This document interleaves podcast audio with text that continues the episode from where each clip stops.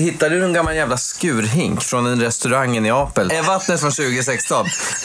Dra i dig det. Det kommer ju inte bli äckligt. Det är ju liksom att köra. Hittade ni Listerin som gick ut 2016 i Italien? Drick det bara. Ja, bara drick. Drick. Absolut. Har du någon sån här damejeanne hemtrampat gamla, gammalt liksom saftvin från Italien 2016? Det kommer också vara gott. Thank you.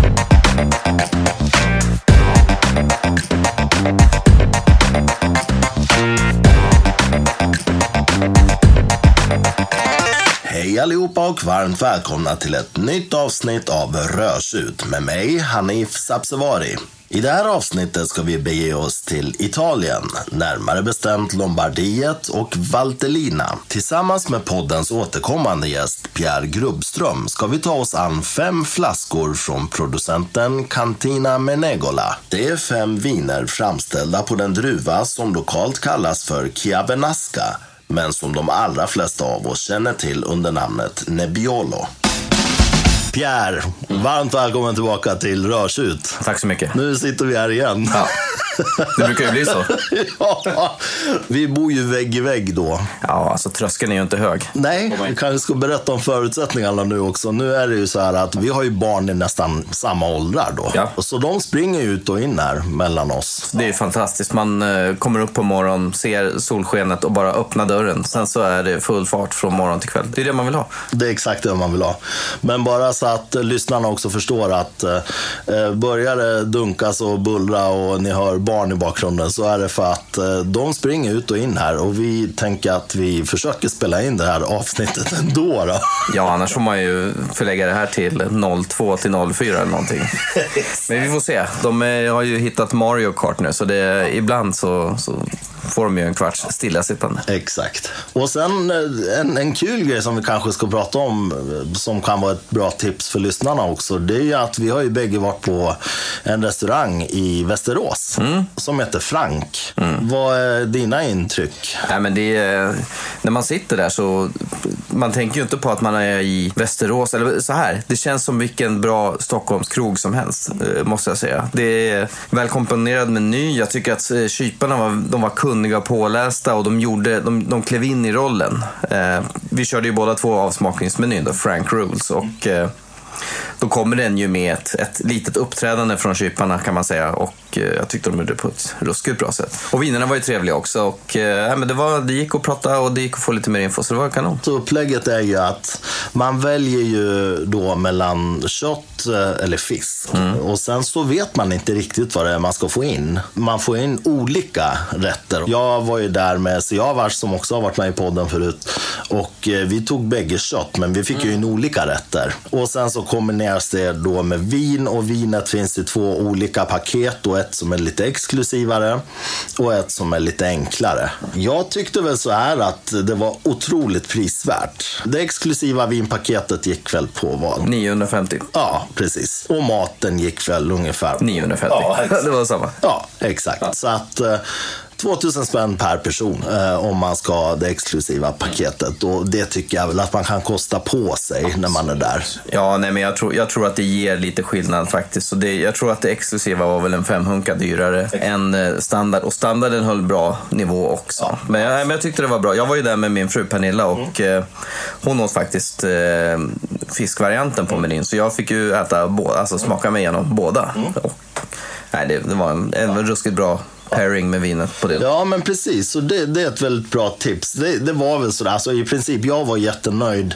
Det var väl någon, eh, rätt någon grej som jag tänkte, ah, det här platsar väl kanske inte riktigt på den här menyn. Men eh, det var ju bagateller. Vinerna var väl kanske inte så att man stod och hoppade av förtjusning i sig. Utan tanken var ju mycket kombinationen med maten. Eh, så kände jag. Alltså i sig var vinerna kanske ah, sådär liksom. Liksom. Men eh, i kombination med maten var det väldigt väl genomtänkt. I kombination med maten och i kombination med hur de eh, presenterade upplägget från kyparna. Så. Ja, men det tycker jag också. Ett tips är ju bara att ska man dit så ring innan, eller när ni bokar, skriv då meddelandet att de kyler vinerna. För att, eh, då, speciellt, ja, som vanligt då, de röda är lite väl för rumstempererade för min smak i alla fall. Så det är ett tips till alla lyssnare. Eh, Men nu ska vi hoppa över över till dagens ämne då. Det här har ju vi planerat ett tag och, och med tanke på våra situationer med barn och det semestrar och allt det där så har det ju tagit lite tid. Men nu har vi fått till det här äntligen. Tanken är ju att vi ska fokusera lite på vad eh, Cantina Menegola, den här producenten då i Valtellina, vad de håller på med. Då har vi tänkt att vi ska göra en eh, liten vertikalprovning av två av deras viner faktiskt. För det visar sig ju att du hade en flaska av eh, deras eh, Rupestre Sassella Riserva och jag hade två årgångar av den som inte var samma som du hade. Och bara där hade vi en vertikal då. Absolut. Och sen så köpte jag 2019 av min favorit, eh, deras vanliga då, Rupestre Sassella. När jag höll på att gräva en dag så hittade jag en till 2016. Jag har ingen aning om hur många av den jag, jag köpte när jag köpte, men det måste ha varit i alla fall sju, åtta stycken. De tar inte slut. Jag hittar flaskor här och var hela tiden. Det här vinet har ju varit med faktiskt en gång tidigare i podden och, och totalt eh, dissekerats. Så vill ni lyssna på det så går ni till avsnittet som heter eh, Masterclass med Lars Trogen. Eh, Där är det ett av två viner som vi vänder ut och in på. Väldigt intressant att höra Lars också prata om det här vinet. Men idag tänkte vi att vi ska fokusera mer egentligen på det som finns i glaset helt enkelt. Och se, är det några skillnader eller inte? Och då börjar vi så att vi börjar med deras enklare, den här som jag då har tyckt om väldigt mycket. Vi börjar med den eh, först och den har vi i två årgångar, 2019 och 2016. Sen tar vi klivet över till reservan som vi har i tre årgångar. Men eh, ja, vad säger du? Ska vi hälla upp och testa de här två? Ja, men det måste vi göra. Bye. Då har vi ju hällt upp eh, de här två då. Jag kan väl dra en liten eh, sån här eh, inforuta om lite förutsättningarna var vi är och Rama in det. Ja, men precis. Lite sån här Wikipedia, så vinerna får stå och lufta lite och öppna sig lite. Vi är ju alltså i Valtellina och det är ju en region som är känd för produktion av väldigt högkvalitativa röda viner baserade på Nebbiolo då, som lokalt heter Chiavenasca. Valtellina då, det ligger ju i Lombardiet i nordvästra Italien. Och eh, det här landskapet, det kännetecknas av eh, terrasserade vingårdar. Man kallar det så vanligtvis när det är bergsluttningar. Och jag tror att eh, vingårdarna ligger på mellan typ 250 till 800-900 meter över havet. Det här är det enda italienska vinodlingsområdet där två DOCG samsas, kan man säga. Det är Sforzato di Valtellina och Valtellina Superiore då, som vi ska fokusera på idag. Valtellina Superiore etablerades som DOC 1968 men höjdes sen till DOCG 1998 och består också av fem underappellationer. Det är alltså Sassella som vi ska fokusera på idag, Maroggia, Grumello, Valgella och eh, den fantastiska underappellationen som heter Inferno. Total Chaos Inferno. va? Ja. Jag tror att namnet beror på att det kan bli otroligt varmt. Och Sassella då, som ligger väster om eh, Sondrio, är eh, det historiska och mest berömda underområdet då. Och har fått sitt namn efter stenarna i helgedomen Madonna della Sassella. Som är en helgedom som finns där, precis vid, där vingårdarna breder ut sig. Då. Och eh, om den här vinproducenten då, Cantina Menegola, Eh, kan man säga att de har arbetat med vin sedan 1700-talet. På 1800-talet fick de möjlighet att köpa egna vingårdar. Då. Och ursprungligen sålde man bara vidare sitt vin till större producenter. Men sedan 2006 har man buteljerat vin under eget namn. Och idag producerar man vin från fem hektar vingårdar varav tre hektar är familjens. Vingårdarna sköts enligt ekologiska principer men är inte certifierade. Förutom att de gör vin så driver de även en restaurang. Så det är den lilla inforutan om eh, appellationen, under appellationerna och eh, producenten. Då. Du har hunnit sniffa lite, smygsniffa lite. Ja, jag tog ett par sniffar. Ja, hur känns det? Nej, men det var ju nästan som att ramla baklänges. Ja. Otroligt bärigt. Ja. Alpnebbiolo, den brukar ju bli så här bärig och god, så det, jag är ju inte förvånad. Absolut inte förvånad. Eh, Det ska bli kul att se hur 2016 beter sig mot 2019, för 2016 börjar ju ändå bli ett tag sedan. 2019, den var väldigt fräsch. 2016 var lite mer, den var lite tyngre kändes det som. Så, så det ska bli kul att se om det är for the better or for the worse. Ja, exakt. Men eh, ska vi börja med eh, den yngsta? Jag tror det, va? Så vi börjar med 2019 då. Färgen är ju väldigt genomskinlig ska man ju veta. Det här är ju en, en tunn dryck, precis som Nebbiolo ofta är. Ja. Har ändå ganska fin röd, nästan rödbrun look. Den har ju nästan lite kärna. Mm. Den är lite tunnare längs kanterna eh, och har lite mörkare mm, kärna då. Vissa Nebbiolo är ju så ljusa i färgen. Den här är ändå hyfsat mörk. Mm. Men ja, den är ju genomskinlig.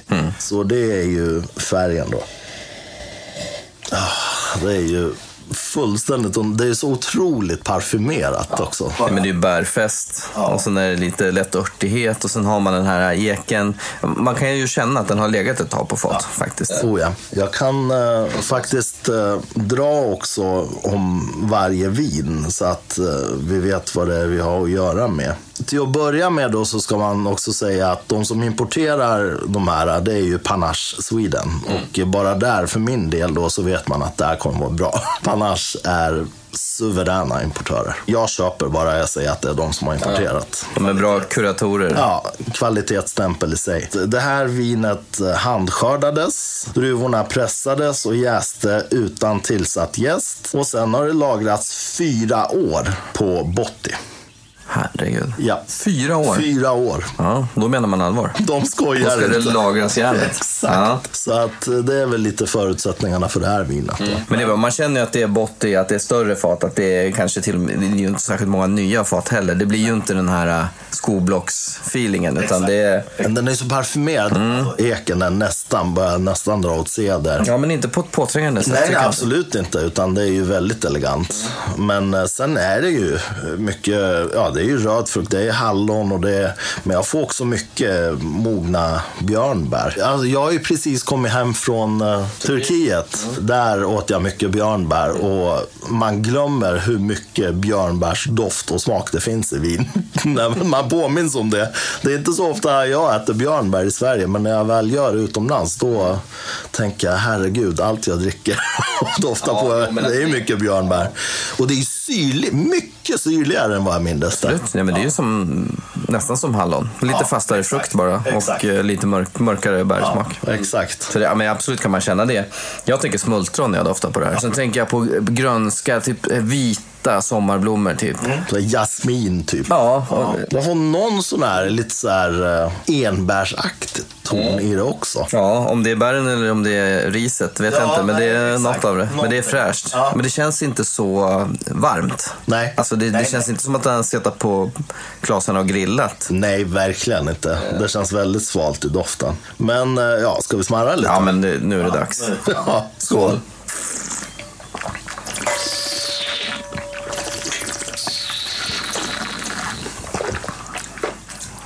Alltså vilken, vilken struktur i syran. Den, den är ju väldigt syrlig och den här skulle ju matcha vilken mat som helst med liksom en den skulle ju skära i en fetsås eller en ost. Det skulle ju bara som en kniv liksom. Ja. Men så kommer den här bärigheten efteråt och den är ganska liksom, en lång smak. Men jag, den här enbärsriset, det är lite det här gran, gran enbärsris. I smaken också. Ja. Ja, det får man. Ja, supergott verkligen. Ja, verkligen. Och tanninerna är ju så härliga för att de finns ju där, men det är inte så att de lägger sig som en hinna, utan de finns där bara och bär upp allting. Men den här kan man spara på, absolut, men man kan, man kan dricka den redan Det beror på hur du vill ha den. Alltså, Nu kommer eftersmaken, den här lite, lite bittra grapefruit. Nu, vi- ändå det är 40-50 sekunder. exakt. Det är galet. Exakt, ja. Men jag, jag tror att eh, vill man ha den här eh, strukturerade syran, då kan man dricka den nu. Ja, det skulle ju vara spännande att se vad som händer med den. Det antar jag att vi får känna lite på alldeles strax. Exakt. Men den har ju väldigt så här eh, alkoholvarm eh, finish också. Man, man blir så här, det kommer också lite efteråt eh, allting. Mm. Hur mycket alkohol har vi? 13,5 så det är ju inte vansinnigt. Jag tror att det kommer att hända lite med den, för vi som vanligt så har vi den ju ganska kyld. Ja, ja, väldigt kyld. Eh, när den kommer att ligga i glaset här nu 10 minuter så tror jag att det kommer att hända grejer. Det kommer absolut att hända grejer. Men eh, ska vi vandra vidare till 2016 då? Steget är ju inte långt, så Nej. Speciellt inte när glaset står bredvid varandra. Exakt. De, de är väldigt identiska i färgen, men, men 2016 är väl kanske, om man ska vara jätte, jättepetig, något mörkare. Jag håller med. En nyans. Jag håller med. Det, men det är försvinnande lite. Tar med en ordentlig sniff här och ser vad som... Helt annat. Ja, det är faktiskt annat. Alltså här har du väldigt balsamiska noter, får jag. Eken är liksom eh, lite mindre parfymerad än 2019. Den är dämpad, men det är lite mer så här källartoner. Ja, exakt. Och det tycker man ju om. Vi tycker om det i alla fall. Ja, absolut. Det är schysstare att dricka vin i en källare än att sitta och tugga på ett skoblock. 100 procent. Ska vi smaka? Nu kör vi. Skål.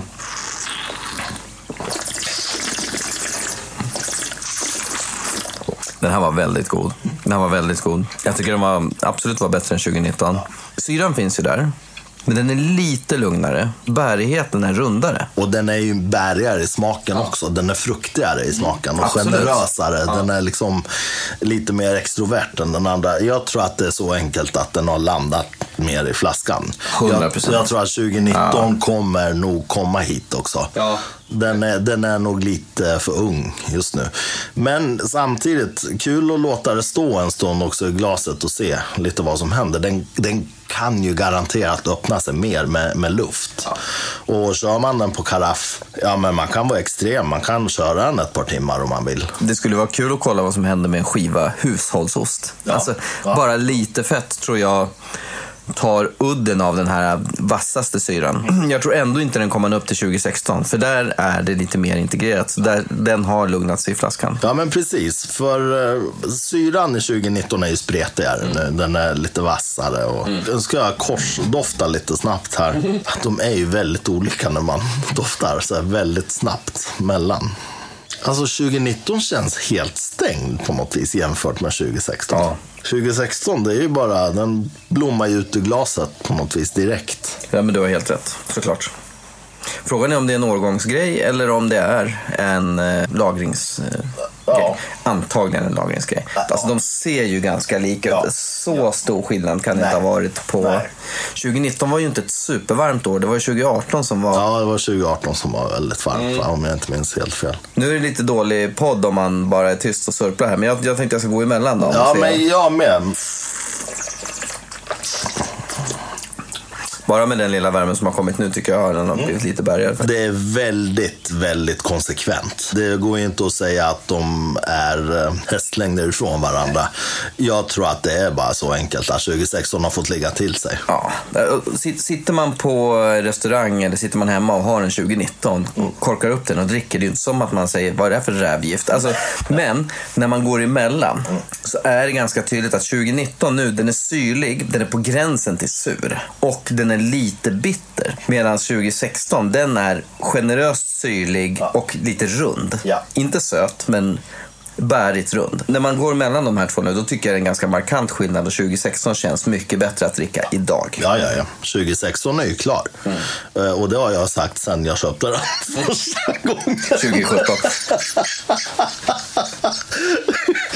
jag, alltså, jag är så förtjust i det här vinet. Jag har liksom tyckt hela tiden att den är klar. Nu sitter jag här typ tre år senare. Men allvarligt talat, får jag fråga en sak? Ja. Vilka italienare 2016 har inte varit bra? Nej, sant. Allvar, och då tänker jag inte på bulk-crappet Nej, på nej. Aglianico från den varmaste Umbrien. Den tänker jag liksom på norra Italien. Nej, jag, jag kan inte minnas. Alla är bra. Alla, du ihåg är när vi drack Ratti? Det var ju Ja, liksom men bara... det var ju Åh. gå ner, bara öppna dörren och skrika ut, rätt ut, väcka alla grannar. Ja, det, och det var typ det vi gjorde nästan. Ja, men det får man ju. Nej, det var ju helt sjukt. Nej, jag håller med. Det fin- jag har än så länge inte hittat en dålig flaska, alltså kvalitetsflaska från 2016 från Italien. Nej, det, jag tror inte det finns. Och framförallt inte från de här regionerna, Piemonte, Lombardiet. Eh, speciellt om de odlar lite på höjd också. Men det måste ju ha varit bra med soltimmar men ändå inte för varmt. Alltså på det, något vis som har gjort att liksom Nebbiolo-vindarna från de åren är bara fantastiska. Absolut. Men om man jämför då till exempel med 2015 då, som eh, för mig är ändå en varm årgång om man tänker samma regioner då, samma ställen som vi pratade om. Men de är ju också jättehärliga på sitt sätt. De är ju också väldigt drickfärdiga. Alltså skillnaden är nog att 2016 kan man ju lagra också ett tag till. Jag personligen tycker att man ska korka upp och dricka dem nu. För att då får man allt. Man får ändå den här syran, man får lite kvar av den här ungdomligheten. Tanninerna har lagt sig, syran har lagt sig, men man får också den här härliga frukten. Eh, väntar man, ja då börjar liksom det tertiära kicka in och det är väl kul, men jag tycker inte, de här vinerna som vi pratar om nu, tycker inte de blir så spännande när de blir jättegamla. Det som är kul att, och dricka dem när de är perfekt i fönstret som, som de kan vara nu. Och, nu. och nu snackar vi viner som är där mellan 300 till 500-600. Sen finns det ju vissa stilar som det går ju inte att dricka dem än. Nej. Men de, de är väldigt strukturerade men ändå bäriga. Oftast får man det ena eller det andra. Ja. Och är det bara bärigt, då känns det ju som att man tar i kranen på Finlandsfärjan. Liksom. Och, och inte riktigt fattar om det är rött eller vitt. Men man, nej, kvällen går fort liksom. Ja. Men där, där får man ju verkligen eh, en bra upplevelse nu. Ja, verkligen. Vad tror du är nästa stora årgång i norra Italien? Ja, 2021 kommer ju ut nu. Det sägs att den ska vara... Ja, men du vet årgångar alltså. Varje år.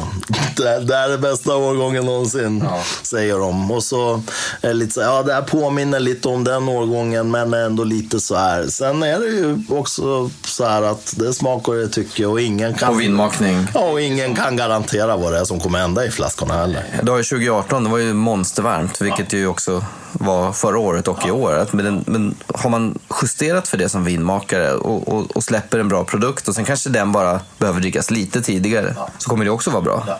Det handlar nog mer om att fatta och uppleva när, när drickfönstren finns. Ja. Men med det sagt så ska jag säga att jag tycker inte 2017 var särskilt bra någonstans. Nej, 2017 är lite sådär hit or miss, tycker jag. Jag har druckit några flaskor som är härliga på sitt sätt. Men jag har också druckit flaskor som har varit totalt katastrofala. Där man har tänkt att, alltså, varför släppte de det här ens? Så att jag tror att vinmakningen i takt med att vädret blir mer och mer utmanande för varje år kommer vara A och O. Hur, hur resultatet blir. Det är mycket mer upp till vinmakarna hur resultatet blir nu än kanske någonsin tidigare. Ja, absolut. Vädret slår ju... Extremerna är ju ganska långt ifrån varandra. Så är det. Men du, ja, sammanfattningsvis, kul att eh, du också tycker om det här vinet då. Nu, nu har jag ju tjatat om det här vinet så många gånger i podden. Och det är andra gången vi dricker det också. Eh, Så att, eh, och kul att 2016 än en gång står sig och är så här fantastiskt som jag minns att det är varje gång jag har druckit det. Vi nöjer oss här med de här två då och sen så häller vi upp reservan, eh, tre årgångar i glasen. Det ska bli spännande. Sådär, då ska vi ta oss an reservorna här då. Men innan vi gör det så glömde jag ju faktiskt att berätta om den här eh, 2016. Eh, för 2019 då var det ju lagring på fyra år sa vi på gamla ekfat, eh, stora. Men 2016, den hade lagrats två år på stora gamla ekfat. Och sen två år på flaska. Så att det är viss skillnad ändå på hur de har lagrat de där. Vinmakaren har eh, tänkt. De kommer ju aldrig vara lika gamla. Så kommer man aldrig kunna ge dem en fair match. Nej, exakt. Men man får ju anta att vinmakaren är ute efter samma uttryck i alla fall. När han eller hon justerar på det viset. Någonting har gjort att de valde att lagra bara två år på ekfaten och två år på flaska sen. Då. Men det är ju bara respekt till det. Det är ju så himla Verkligen. eh, fantastiskt när det, när det finns en tanke bakom allt. Och som du säger, det är tre hektar familjeägt och två hektar som de på något annat vis eh, får tillgång till. Det är ju inte jättemycket eh, råvaror man kan producera på den ytan. Så eh, man får ju anta att de har eh, valt vinmakning med omsorg. Liksom. Det, det tror jag. Jag tror också att resultatet lite talar för sig självt. Liksom. Eh, annars hade vi nog inte suttit här och lett så brett som vi gör nu. Men eh, reservorna här då. Det här är ju jättespännande. För du hade ju den eh, som är från 2013 va? Yes. Och jag hade 2015 och 2016. Och nu ska ju det här bli jättespännande då såklart. Just också mellan 2015 och 2016 som vi precis pratade om.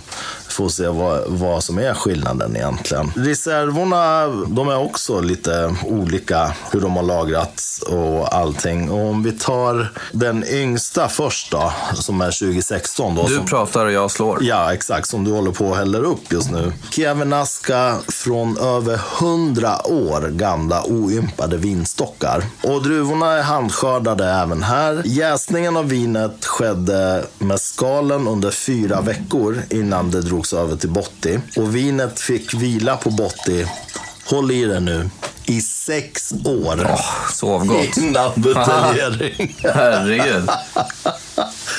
Så det är 2016 då. Jag kanske ska dra alla på en gång så att man får skillnaderna direkt här då. Jag behöver inte dra allting igen. 2015 också handskördat 13 dagars urlakning med skalkontakt eh, vid en kontrollerad temperatur på 25 grader. Och sen har vinet lagrats i 40 månader på ekfat och ytterligare 36 månader på flaska. Så här är vi tillbaka till det där. Mm. 40-36. 40-36. Eh, längre då än de som vi har druckit redan, men de har fortfarande delat upp det så att säga. 50-50 på ekfat och på flaska. Och eh, 2013 då, också handskördat, 13 dagars urlakning med skalkontakt igen då. Vinet har lagrats eh, precis likadant som 2015. Alltså 40 månader på ekfat, 36 månader på flaska. Så har de gjort alltså med 2013 och 2015. 2016 var sex år på ekfat. Och sen får man ju förstå att 2013 har ju lagrats ännu längre på flaska i eh, mitt lagringsskåp. Så den har ju mått bra. Den har- För där inne är det 11,8 grader. Kan inte må bättre. Nej, det är som man vill krypa in där själv ibland. Speciellt när det är 30 grader varmt i sovrummet. Men, eh, Bara dra in huvudet, öppna en flaska i med ett sugrör och stanna där. ja, ja, ja.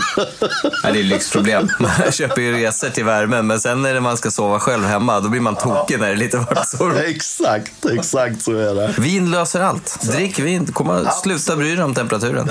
Bry dig om massa andra skit istället. Och bryr du dig, drick mer. Ja, exakt. Det är så man vet. När man har had enough. Carefree, Ja. you've had enough. ja, nej, vi slänger in den här äh, drick med äh, varsamhet. Så att folk, folk förstår att vi skämtar. Eh, ja, men du, då börjar vi med 2016 här då. Ska vi kolla lite på färgen? Det är ju rätt identiskt med de tidigare. De två som inte Ja, var det, det reserva. ser nästan exakt likadant ut. Det är den här rödbruna looken. Ja, nu sniffar vi lite snabbt på alla tre här. Vertikalsniff. Vertikalsniff kan man säga. Mycket intressant. Mitt första intryck, det är mycket mer torkad frukt överlag. Ja. Speciellt i 2015. Och det är inte konstigt, det är en varm årgång. Den som känns mest spännande i doften är 2013. Nu bara när vi snabbsniffar. De är väldigt kylda nu. Jag tror det här kommer också släppa en del vad det lider. Men då har vi ju 13, 15, 16. Hur vill du göra? Vill du gå från äldst till yngst eller? Nej, från yngst till äldst kanske. Börjar vi från höger. Då kikar vi. 16, 15, 13. Ja. 16 tycker jag har en väldigt god ekdoft. Alltså den är inte alls så här äh, påträngande som den kan vara. Nej, men den är rätt knuten va. Det är också igen då, det är väldigt kylt just nu. Så att jag tror att det här kan släppa med lite luft och temperatur. Men eh, väldigt härlig doft, lite stängt just nu. Ja, Ja, men lite choklad nästan. ja absolut. 15 då, här börjar man känna ålder lite grann. Nu låter det här idiotiskt kanske. 15 doftar som 15. Det doftar på ett visst sätt. Det är lite mer den här torkade frukten. Varmare frukt. Stämmer. Och så tycker jag att den är lite metallisk.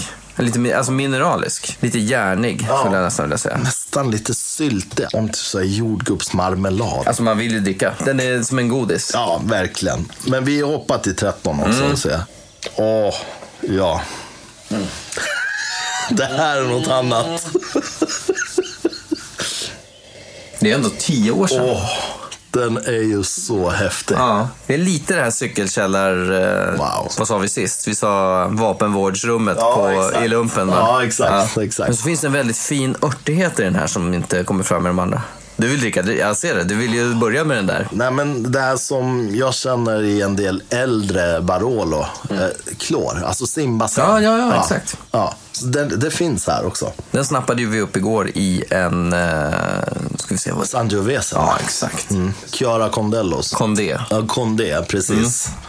Eh, Som inte heter det. Den heter något annat. Det kan den ju få göra, men det står Condé på står flaskan. På och det är inte hennes eh, instegs. För hennes instegs har ju en blå akvarell som, som etikett. Men ja, den var god. Jättekonstigt att den inte heter Condé. Det var ett långt namn. Ja. Strunt samma. Ja, nu, ja, tillbaka till det här. Ska vi börja mm, dricka lite också? Jag trodde aldrig du skulle... Jag kan eh, knappt hålla mig. Vi kör väl 2016 först va? Ja, det gör vi. Skål då. Skål. Ja, det. Ja. Man tänker att man inte ska säga något efter sniffen, men det går inte att hålla käft. Och du vet, så jävla märkligt. Alltså, det har gått, vad? Det har gått en minut sedan vi doftade på det sist. Och det har redan hänt någonting. Jag tror att med eh, luft och, eh, temperatur. Det kommer ju bli fest. Ja, ja, vi kör. Skål igen. Då ska vi skrika rätt ut eller? Jag ryser och är typ lätt tårögd just nu. Wow. 2016. Detta förbannade jävla år i Italien som är helt sjukt. Det är helt magiskt. Ja. Vad är det som händer? Allt är bra. Jag hittade du en gammal jävla skurhink från en restaurang i Neapel? Vad är, det, är, Dryck. vatt, är vattnet från 2016? Dra i dig det. Det kommer ju inte bli äckligt. Det är ju liksom bara att köra. Hittar ni Listerin som gick ut 2016 i Italien? Drick det bara. Ja, bara drick. Drick. Absolut. Har du någon sån här Damechang hemtrampat gamla, gammalt liksom saftvin från Italien 2016? Det kommer också vara gott. Nu, nu säger jag det här bara för att ha sagt det. Det vi ska göra sen, innan vi bara stänger ner, det är att vi ska också göra en där vi jämför 2016 Reserva med den andra vanliga. Det ska bli sjukt spännande. en horisontell. Det blir en horisontell, precis. Det ska bli jättekul. Eh, men ja, wow. Alltså jag är helt mållös. Jag vet inte ens vad jag ska säga för någonting. Det där var... Vad är det som Vi har händer? väl sagt allt, annars blir det här liksom dagens dikt. Ja, alltså helt otroligt. Så fruktigt. Lena tanniner. Den är sammetslen. Det är väldigt kylt just nu, eh, men det här ska drickas kallt alltså. Det här får inte serveras rumstempererat eller för varmt. Dricker du det här ljumskvarmt, då har du traskat hela Det är upplevelsen. böter på den. Men börja ändå nere vid typ 10 och, så- och gå uppåt. Ja. Det är en hel flarra. Man behöver liksom inte dra i sig allting på fem minuter. Dra, ta lite var femte minut tills man kommer upp till 18. Det kommer ju vara som en resa. Och jag tänker så här, har man en sån här flaska, häll ut hälften på karaff och eh, behåll resten. Ja, men absolut. Har det två olika temperaturer. Exakt. Ta ut en en halvtimme tidigare. Ja, och testa i lite olika glas. Alltså det, det är så otroligt fantastiskt vin där så att man vill bara få alla dimensioner. Dricker du en gummistövel hälften? kommer hända grejer då också. Skuring. Visst, Pippis gamla pajasdojor. Bara dricka. Ja, herre, nej, vi tar en liten smarr till. Det finns en örtighet också bakom frukten. Verkligen. Nästan lite så här, alltså missförstå mig rätt, men nya världen syra. Tänk liksom, alltså tänk så här, en, eh, australiensisk syra. Du minns, var, var det inte det vi testade också i något avsnitt? Dandelion och de här. Ja, exakt. Ja. Jag har fortfarande inte smält att det är så man uttalar det. Men, ja, ja, skitsamma. Men det finns någonting i, i botten av det här som är lite åt det där hållet. Den typen av örtighet och grön, du vet de här gröna noterna. Vet du vad jag inte saknar i den stilen? Som man får? Jag saknar inte den här jäkla filmjölksbismaken som man får ur dem. Och den hänger nog ihop med den här köttigheten som Syrah eller Shiraz ofta har. Men just det här malolaktiska sund... Nej, don't like. Nej. Det får man aldrig från norra Italien. Det är Nej. bara att glömma. Här är det rena grejer. Jajamän, så är det. Men det är ju så här, när, de, när, de, när man håller på med, med Mallo, då det spårar lätt ur. Jo, men det räcker att dricka ett vin som inte är malolaktiskt jäst. Och sen ta en sipp från ett som är det. Exakt. Så är det som att dricka en kefir. Ja, exakt. Det är bara att hälla i liksom chokladpuffarna och fram med Ja, skenan. ja om, man, om man tycker om det. Ja. Jag gör ju inte det när jag dricker vin.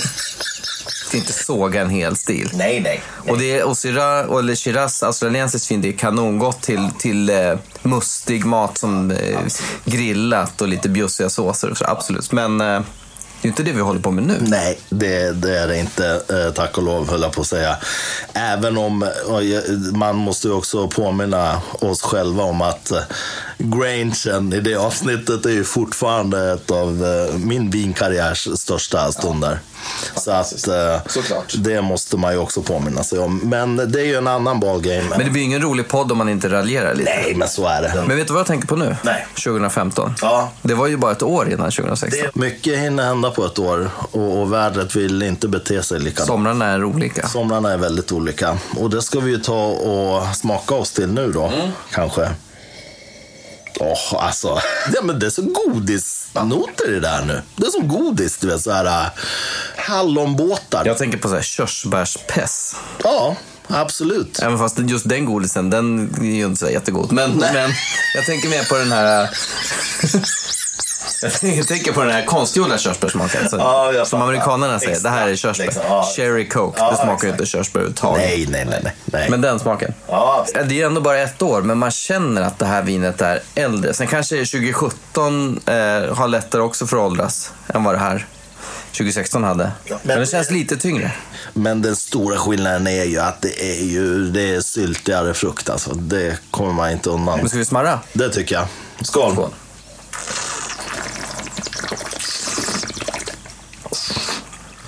Jag tyckte den här var väldigt god faktiskt. Mm.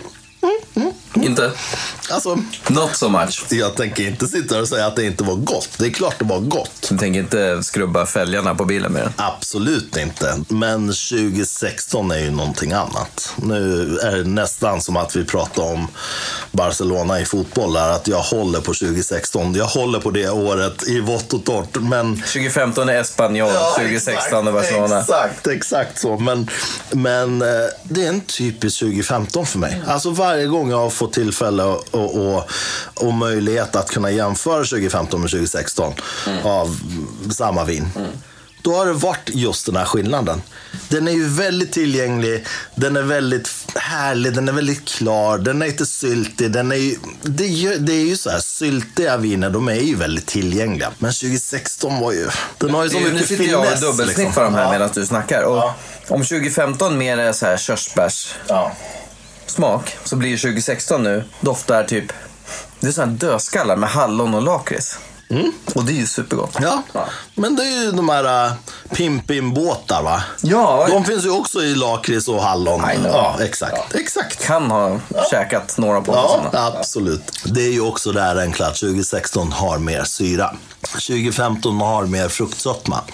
Och det är jättehärligt. Det är gott, absolut.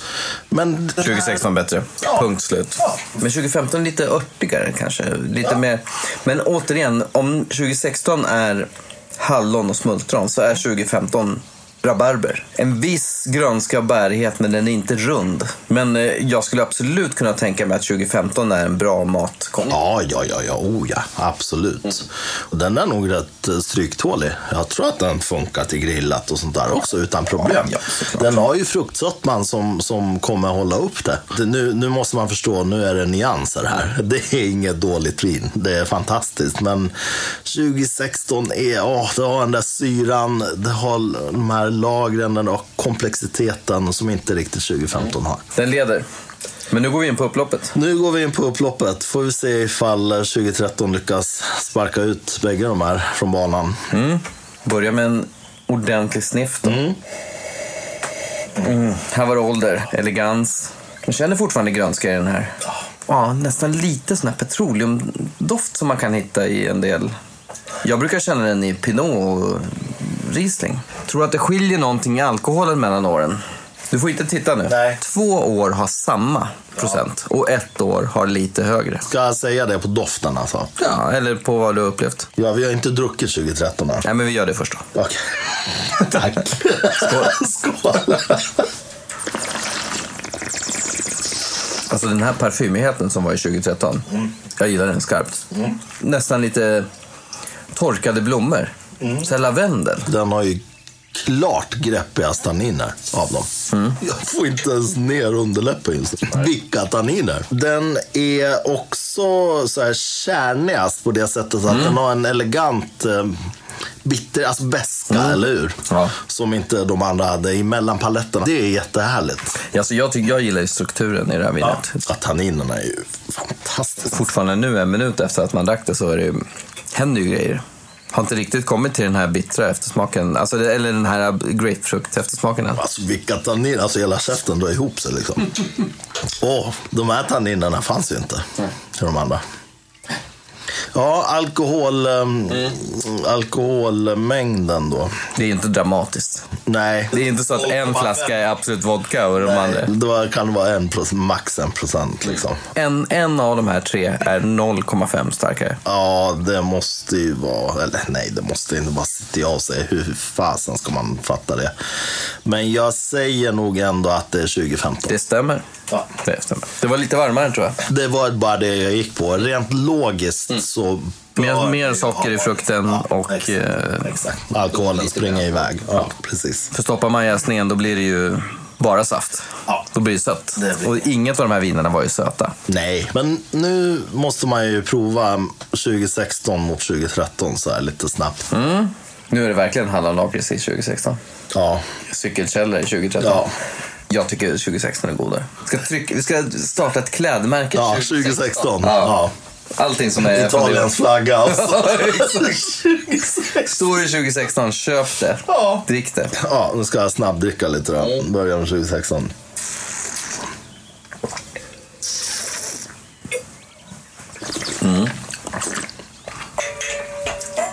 Jag såg att du började med 16 och sen till 13. Så jag gjorde tvärtom. Ja. Jag tyckte 2013 tog sig lite grann faktiskt.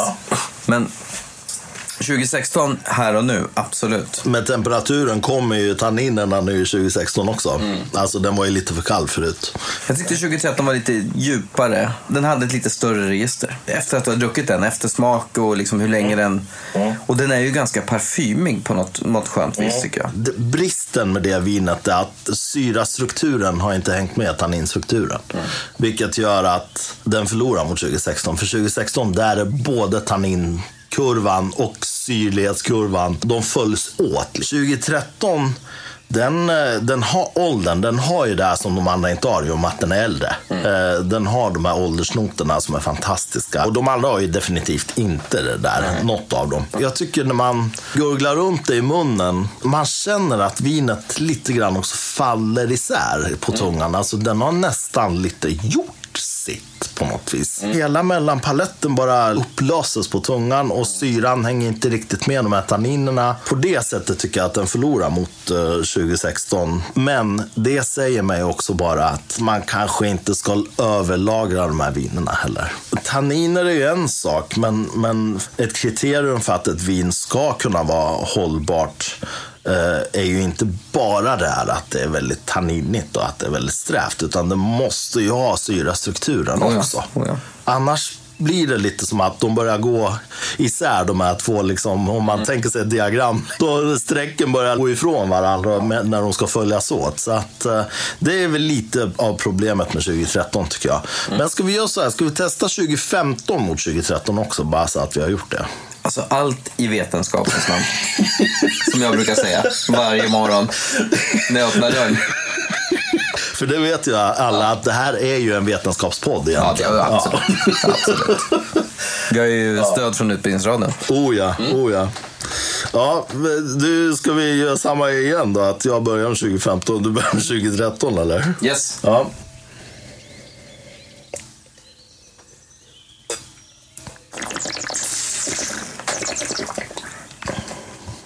Jag kan säga att nu, kände jag skillnaden i, i, all, i hettan, alkoholstyrkan. Ja. Faktiskt. Jag tycker, nu när det har blivit lite varmare, att 2013s parfymighet, jag, jag gillar den. Tycker den är jävligt god. Den är, det är så torkad lavendel och lite alltså mörkblommighet som är eh, fantastiskt fin. 2015 tycker jag nu mer blir... eh, Det fortsätter att vara rabarber och så blir det lite eldigt. Ja. Och det är inte äckligt. Nej, men nej, nej, nej. Nu pratar vi nyanser. mellan de två, så för mig 2013. Vad, vad känner du? Nej, alltså jag, jag måste säga nog att, eh, konstigt nog för att jag brukar ju alltid hålla på det äldsta vinet. Men 2013 är ett konstigt vin för mig eh, på något vis. För att nu när jag dricker mot 2015, 2015 är ju så extremt generöst i frukten. Den har ju den här värmen, den är ju väldigt mycket, det är ju det mest extroverta vinet av de här tre. Ja, det får man säga. Ja, eh, och sen har den den här varma alkoholfinishen. Eh, Och dricka 2013 efter det, det blir bara konstigt. Och det man upptäcker då är egentligen det jag sa tidigare. Fruktigheten och syran har inte hängt med tanninerna. Så att den här kärnigheten som jag, eh, som jag kände först, det kände jag nu, det är nästan bara alkoholbeska. Alltså det- är mycket alkohol som, som bara blir kvar när inte frukten riktigt har hängt med. Ja, Liksom. Så kan det vara. Så att eh, konstigt nog för mig av de här tre så måste jag säga att 2013 var den jag gillade minst. Ja. Måste jag säga.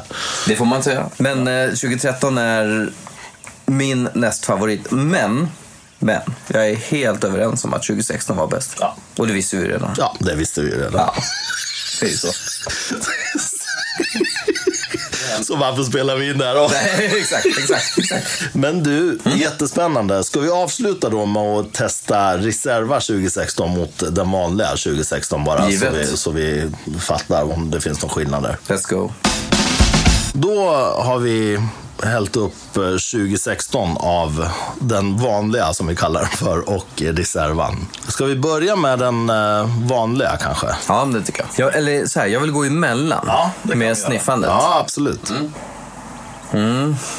Lite mer koncentrerad frukt Ja, det är det. i eh, reserva. I reservan ja. Men jag tror också att den, den vanliga som vi säger, den är lite svalare just nu. Ja, den är ju lite mer kyld då. Men annars är det ju klart samma noter. Ja, där, nej, jag, jag tycker du är spot on. Det är lite mer torkad känsla i reservan. Ska vi börja med att dricka den vanliga eller? Ja, skål då.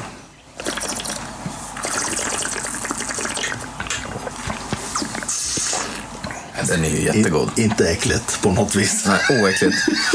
Oäckligt. Ja, vi går direkt på, Det på går direkt på. Ja. Mm.